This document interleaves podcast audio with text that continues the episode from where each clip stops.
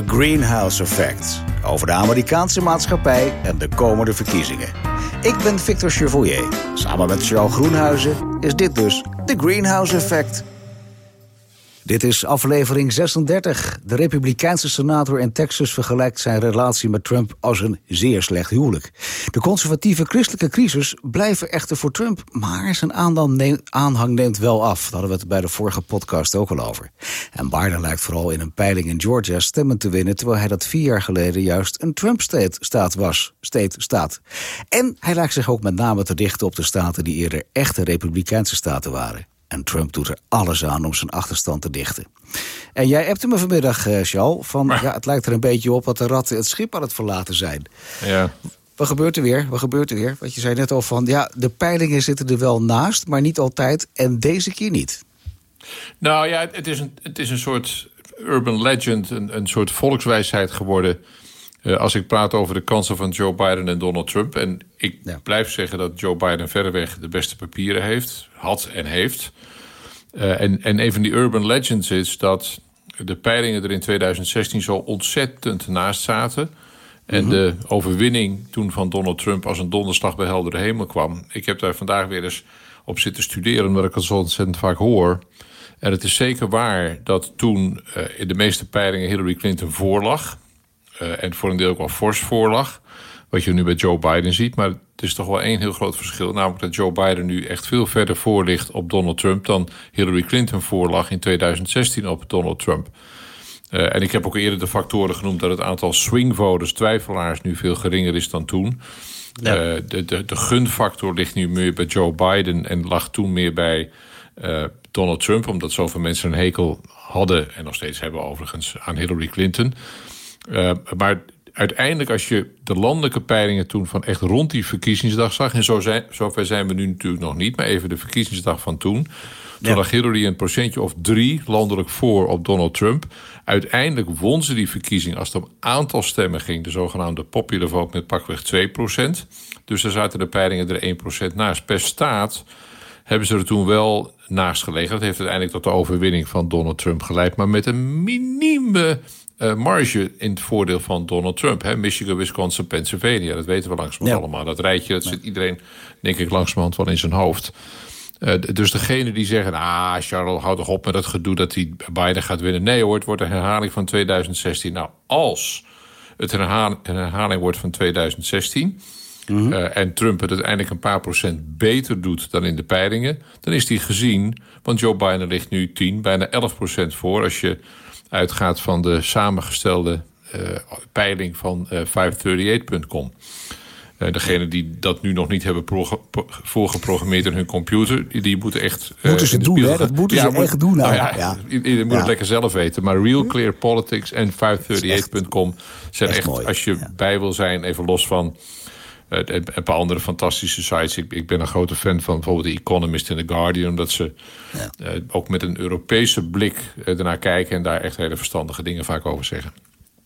Even, even een hele nieuwsgierige persoonlijke vraag. Toen in 2016 uh, Trump inderdaad het werd... vanaf wat moment, welk moment wist jij dat zelf? En hoe reageerde jij daar toen op? Nou, ik heb toen ook tijdens de campagne al vaak geroepen... pas toch op, pas toch op tegen al die democratisch gezinde Nederlanders. Want Hillary Clinton uh, het lag toen uh, wel ver voor in zeg maar, Nederlandse peilingen. Uh, mm -hmm. Ik hield toen nog tientallen, ik heb het laatst nog eens nagekeken... in het laatste, de laatste maanden voor die verkiezing heb ik iets van 100 lezingen gegeven. En vroeg ook al steeds aan mijn gehoor, wat vinden jullie? Uh, wie, wie, wie gaat, oh nee, Hillary gaat winnen. En wie vinden jullie, wie zou er moeten winnen? Nee, Hillary Clinton. En ik voegde daar altijd de vraag aan toe. En of ik nou in een bibliotheek in Dedemsvaart stond... of een Rotary Club in Wassenaar... of uh, Blaricum of een school in uh, Nieuwegein, bij wijze van spreken...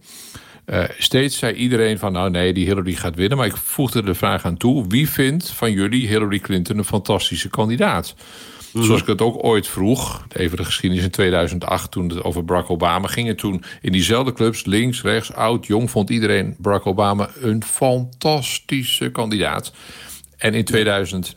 2016 vroeg ik dat dus over Hillary Clinton. Vinden jullie Hillary Clinton een fantastische kandidaat? Nou, er ging vrijwel geen één vinger omhoog. Soms van een paar dames in het gezelschap. Die zeiden ja, maar het zou wel de Charlotte de eerste vrouwelijke president van de, de geschiedenis zijn. Ik zei ja, dat was haar voordeel. Ja.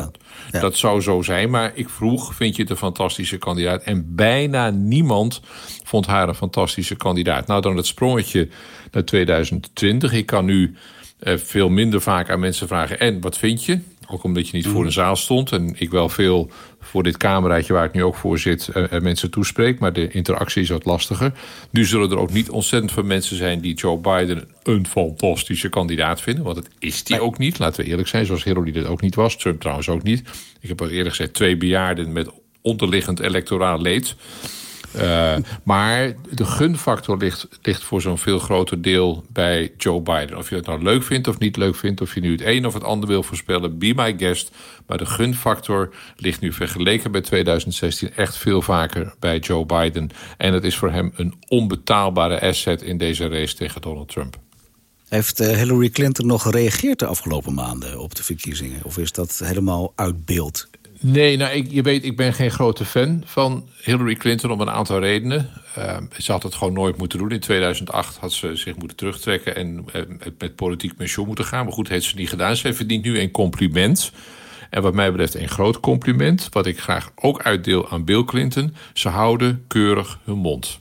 En zo hoort het. Ze houden zich een beetje buiten. Ehm, de Republikeinse senator in Texas uh, vergelijkt zijn relatie met Trump als een slecht huwelijk. Waar je niet uit kunt. Ja. Nee, uh, vertel, want het is nou niet zo lekker nou voor Trump dat hij dat meldt. En, en, het is, het is uh, iemand die uh, ook herkozen moet worden. Hè? Je weet, een van, derde van de senatoren moet herkozen worden. Deze meneer John Cornyn van Texas hoort daarbij. Nou, mm Texas, een republikeinse staat, rechts, uh, conservatief, over het algemeen zeer gelovig, christelijk. En deze John Cornyn is nu in een heftige strijd gewikkeld met zijn democratische uitdager. Dat is opvallend. Stel nou toch eens dat uh, even een extreem scenario, extreem gunstig voor de Democraten. En ik, ik, ik loop nu op de feiten vooruit. Uh, maar ook in de nationale race tussen Biden en Trump uh, begint Texas in de richting te gaan. Ik zeg het voorzichtig. In de richting te gaan van een swing state. Dat zou kunnen. Ik denk het zelf eigenlijk nog niet. Maar stel nou eens dat die senator verliest. Of dat het een aantal kiesdistricten voor het Huis van Afgevaardigden. Dan kun je veel meer naar een kleiner gebied kijken. De hele staat mhm. Texas democratisch. Mm, voor de Senaat of voor Donald Trump, dat lijkt me. Mm, of de nee, presidentiële race lijkt me wel een stretch, je weet het maar niet. Maar met name in het Huis van Afgevaardigden. En deze John Cornyn, die is nu echt aan het knokken...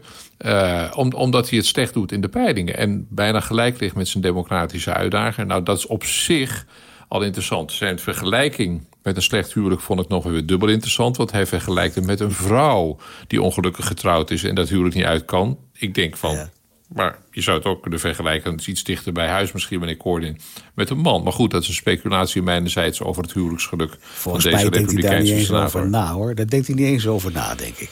Uh, niks menselijks is republikeinen vreemd, weet ik uit de praktijk. Oh, over het huwelijksgeluk, nou ja. Ik, ik, ik, ik krijg langs wat eerder dat je hele smeuïge details wil gaan vertellen. Maar nee, nee, nee, nee, nee, Dat zou, um, zou zomaar ineens kunnen. Dat we wel vaak hebben gezien bij democraten, maar vooral ook bij republikeinen. Ja. dat als het om een huwelijksleven gaat, er toch ineens details naar buiten komen dat je denkt, driewerf, oeps. Ja, dat moeten we maar beter even. Maar ik gun hem verder het allerbeste en zijn vrouw ook. Ja. Ja. We hadden het over Texas, uh, maar je, je, je wilde ook iets vertellen over Georgia. Want uh, Biden lijkt vooral in een peiling in Georgia stemmen te winnen... terwijl dat eigenlijk vier jaar geleden een, een hele echte Trump-staat was. Ja, nou ja, kijk, de, de, race is... We hebben het altijd over Amerikaanse verkiezingen... maar dat is eigenlijk kletskoek. Omdat we het helemaal niet hebben over Amerikaanse verkiezingen. We hebben het over verkiezingen die uiteindelijk mhm. gevolgen hebben voor heel Amerika... maar zich eigenlijk afspelen in een klein clubje staten. We hebben heel vaak hè, Michigan, Wisconsin, Pennsylvania gehad. En dan komen er wel wat bij. Florida is ook vaak weer ontzettend interessant en spannend. Maar wat je nu ziet bij de Biden-campagne, die echt zwemt in het geld. Ik noem het meneer Corden. Dat is nieuw, hè? Ja. Die, ja, die verliest de geldrace ook op dit moment in die senaatsrace. Maar landelijk heeft Biden heel veel geld. En hij ligt dus voor in de peilingen. En wat je nu ziet is dat hij de Republikeinen, Trump, uitdaagt in staten waar het inderdaad tot nu toe eigenlijk ondenkbaar was. Georgia is daar maar één van, Victor. Want het geldt ook voor, dus wat ik nu net noemde, Texas, bijvoorbeeld Ohio en Iowa. Ohio is nog wel eens, gaat nog wel eens heen en weer. In 2016 hebben ze voor Trump gestemd. Maar een aantal staten waarvan je denkt van, goh, dat heeft Biden eigenlijk helemaal niet nodig. Als je die swing mhm. states die ik steeds noem, dat rijtje binnenhaalt en het andere staten niet slecht doet, dan heeft hij gewoon gewonnen. Maar hij daagt Trump nu uit in staten waarvan denk ik de Trump-campagne had gedacht van nou, daar hoeven we geen geld te besteden. Want wat ik net zei, dat het eigenlijk helemaal geen Amerikaanse verkiezingen zijn. Dit is altijd in een paar staten en daar gaat ook al het geld naartoe. Ze gaan mhm. echt niet in Californië of New York of Massachusetts campagne voeren, want die gaan altijd voor de Democraten. Ze gaan echt geen campagne voeren in Wyoming of North Dakota of Nebraska of uh, Arkansas of Louisiana, want die gaan gewoon voor een Republikein. Dat weet je. Mhm. Dus daar wordt niet of nauwelijks campagne gevoerd... omdat het gewoon geen zin heeft. Ik heb zelf vele jaren in Maryland gewoond, vlak buiten Washington D.C. Nou, ik mag zelf niet stemmen, maar Maryland is een solide democratische staat. Washington D.C. zelf, dus waar Trump nu woont, uh, ook... Die, dat, dat, zal nooit voor een republikeinse kandidaat stemmen. Ja, nou, als dat gebeurt, dan, dan gebeuren er meer dingen. Maar dus, dat, dat is totaal anders dan ons Nederlandse systeem. En daarom ik heb het voor deze microfoon wel vaker geroepen. Nederland tel uw zegeningen. In Nederland telt elke stem. In Amerika niet. Alle republikeinse stemmen in Californië en New York en Massachusetts kun je in de prullenbak gooien, want het heeft gewoon geen zin. Alle democratische stemmen tot nu toe, bijvoorbeeld in Texas en, en die andere republikeinse staten, zijn eigenlijk. Uh, uh, het, je hoeft niet te gaan stemmen, wat maakt uiteindelijk voor het resultaat zo weinig uit. Maar je zou wel kunnen bedenken dat, er, eh, dat het er wel op lijkt... dat de opkomst uh, deze keer enorm is. En dat is ook een voordeel voor de democraten. Zou dat ook niet betekenen dat in die staten... Waar, het, waar ze toch altijd een beetje op een achterstand staan... toch wat naar die 50% aan het kruipen zijn?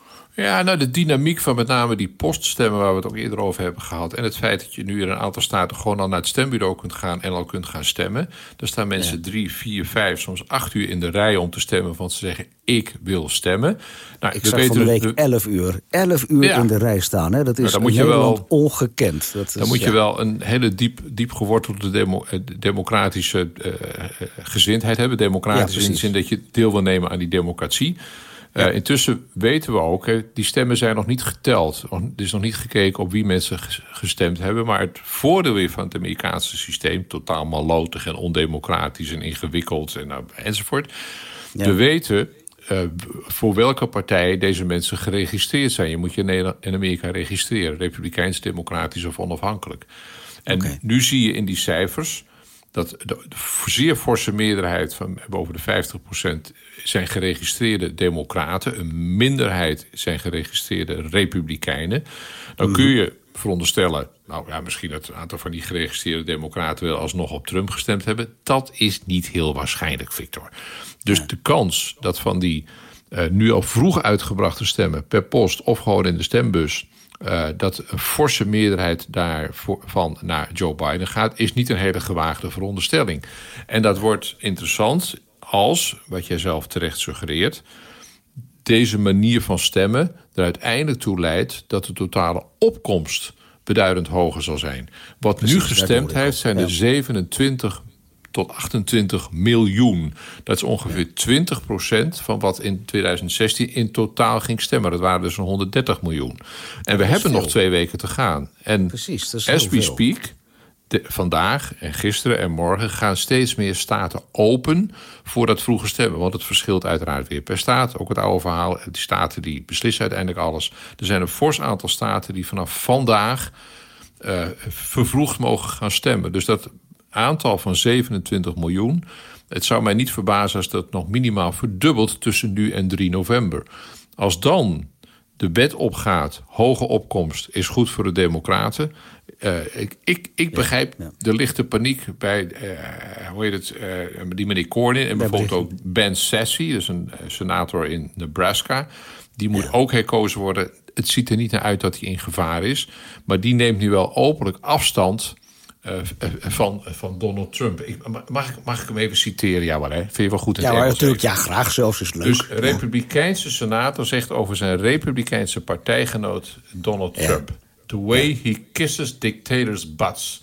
The way he treats women and spends like a drunken sailor. He mocks evangelicals behind closed doors. His family has treated the presidency like a business opportunity. He has flirted with white supremacists.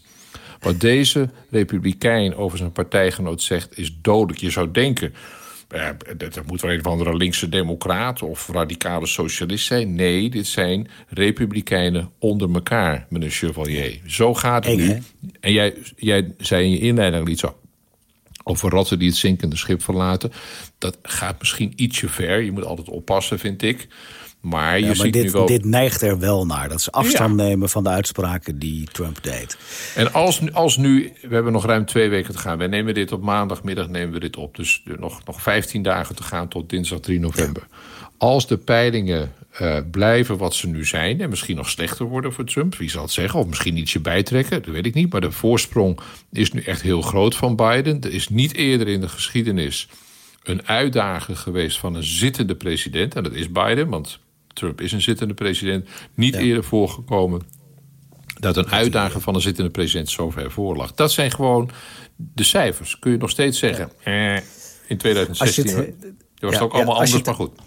Als je het hebt over de peilingen, uh, je kunt bij ons op de site bij praatkast.nl kun je live volgen wat er gebeurt en, en, en, en hoe de, de, de peilingen ervoor staan. Met dank aan Barjo, die heeft er erg zijn best op. Uh, ja, het ziet er prachtig uit. Um, Trump die, die doet er alles aan om zijn achterstand te dichten. Kun je daar iets over vertellen waarmee hij nou bezig is? Nou ja, het, het, het blijft me buitengewoon verbazen. Uh, om, om je één voorbeeld te noemen, Gretchen Whitmer, die is gouverneur in de staat Michigan, een democraat, uh, democratische vrouwelijke gouverneur.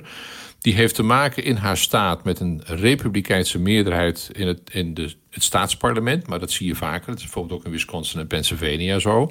Ja. En we weten nu van die Gretchen Whitmer dat er een complot is geweest. Er zijn ook een aantal arrestaties verricht. om haar te ontvoeren en wellicht zelfs te vermoorden. Ja. Uh, het is nu vandaag een filmpje verschenen op internet. Uh, wat opgenomen is vanuit een auto. waarin een aantal van die verdachten, laten we ze nog maar even verdacht noemen. Uh, de bewijsvoering is nu al overweldigend. Waarin ze aan het oefenen zijn voor die ontvoering van die Gretchen Whitmer. Er is veelvuldig, is haar buitenverblijf uh, in Michigan is, is uh, uitgecheckt door die verdachten, noem ik ze dan nog maar even. om te kijken hoe ze die ontvoering zouden moeten laten plaatsvinden. En de aanleiding daarvoor was, en dat is ook eerder wel in deze podcast aan de orde geweest, de manier waarop zij heeft geprobeerd om verspreiding van het coronavirus in haar staat Michigan uh, mm. te bestrijden. Uh, voor een deel, in ieder geval in het verleden, een lockdown. En het antwoord van deze radicaal rechtse actievoerders op deze lockdown is de oproep lock her up.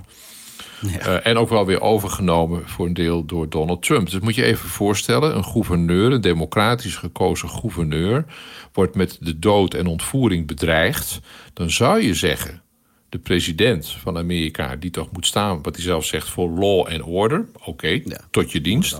Mm -hmm. Tot law and order behoort dat je sowieso staatsburgers, maar helemaal gekozen politici, die al meer gevaar lopen in uh, een land als de Verenigde Staten, dat je die in bescherming neemt en onmiddellijk zegt van het is toch een godgegeven schande dat wordt geprobeerd dat om een democratisch gekozen ja. politicus te ontvoeren.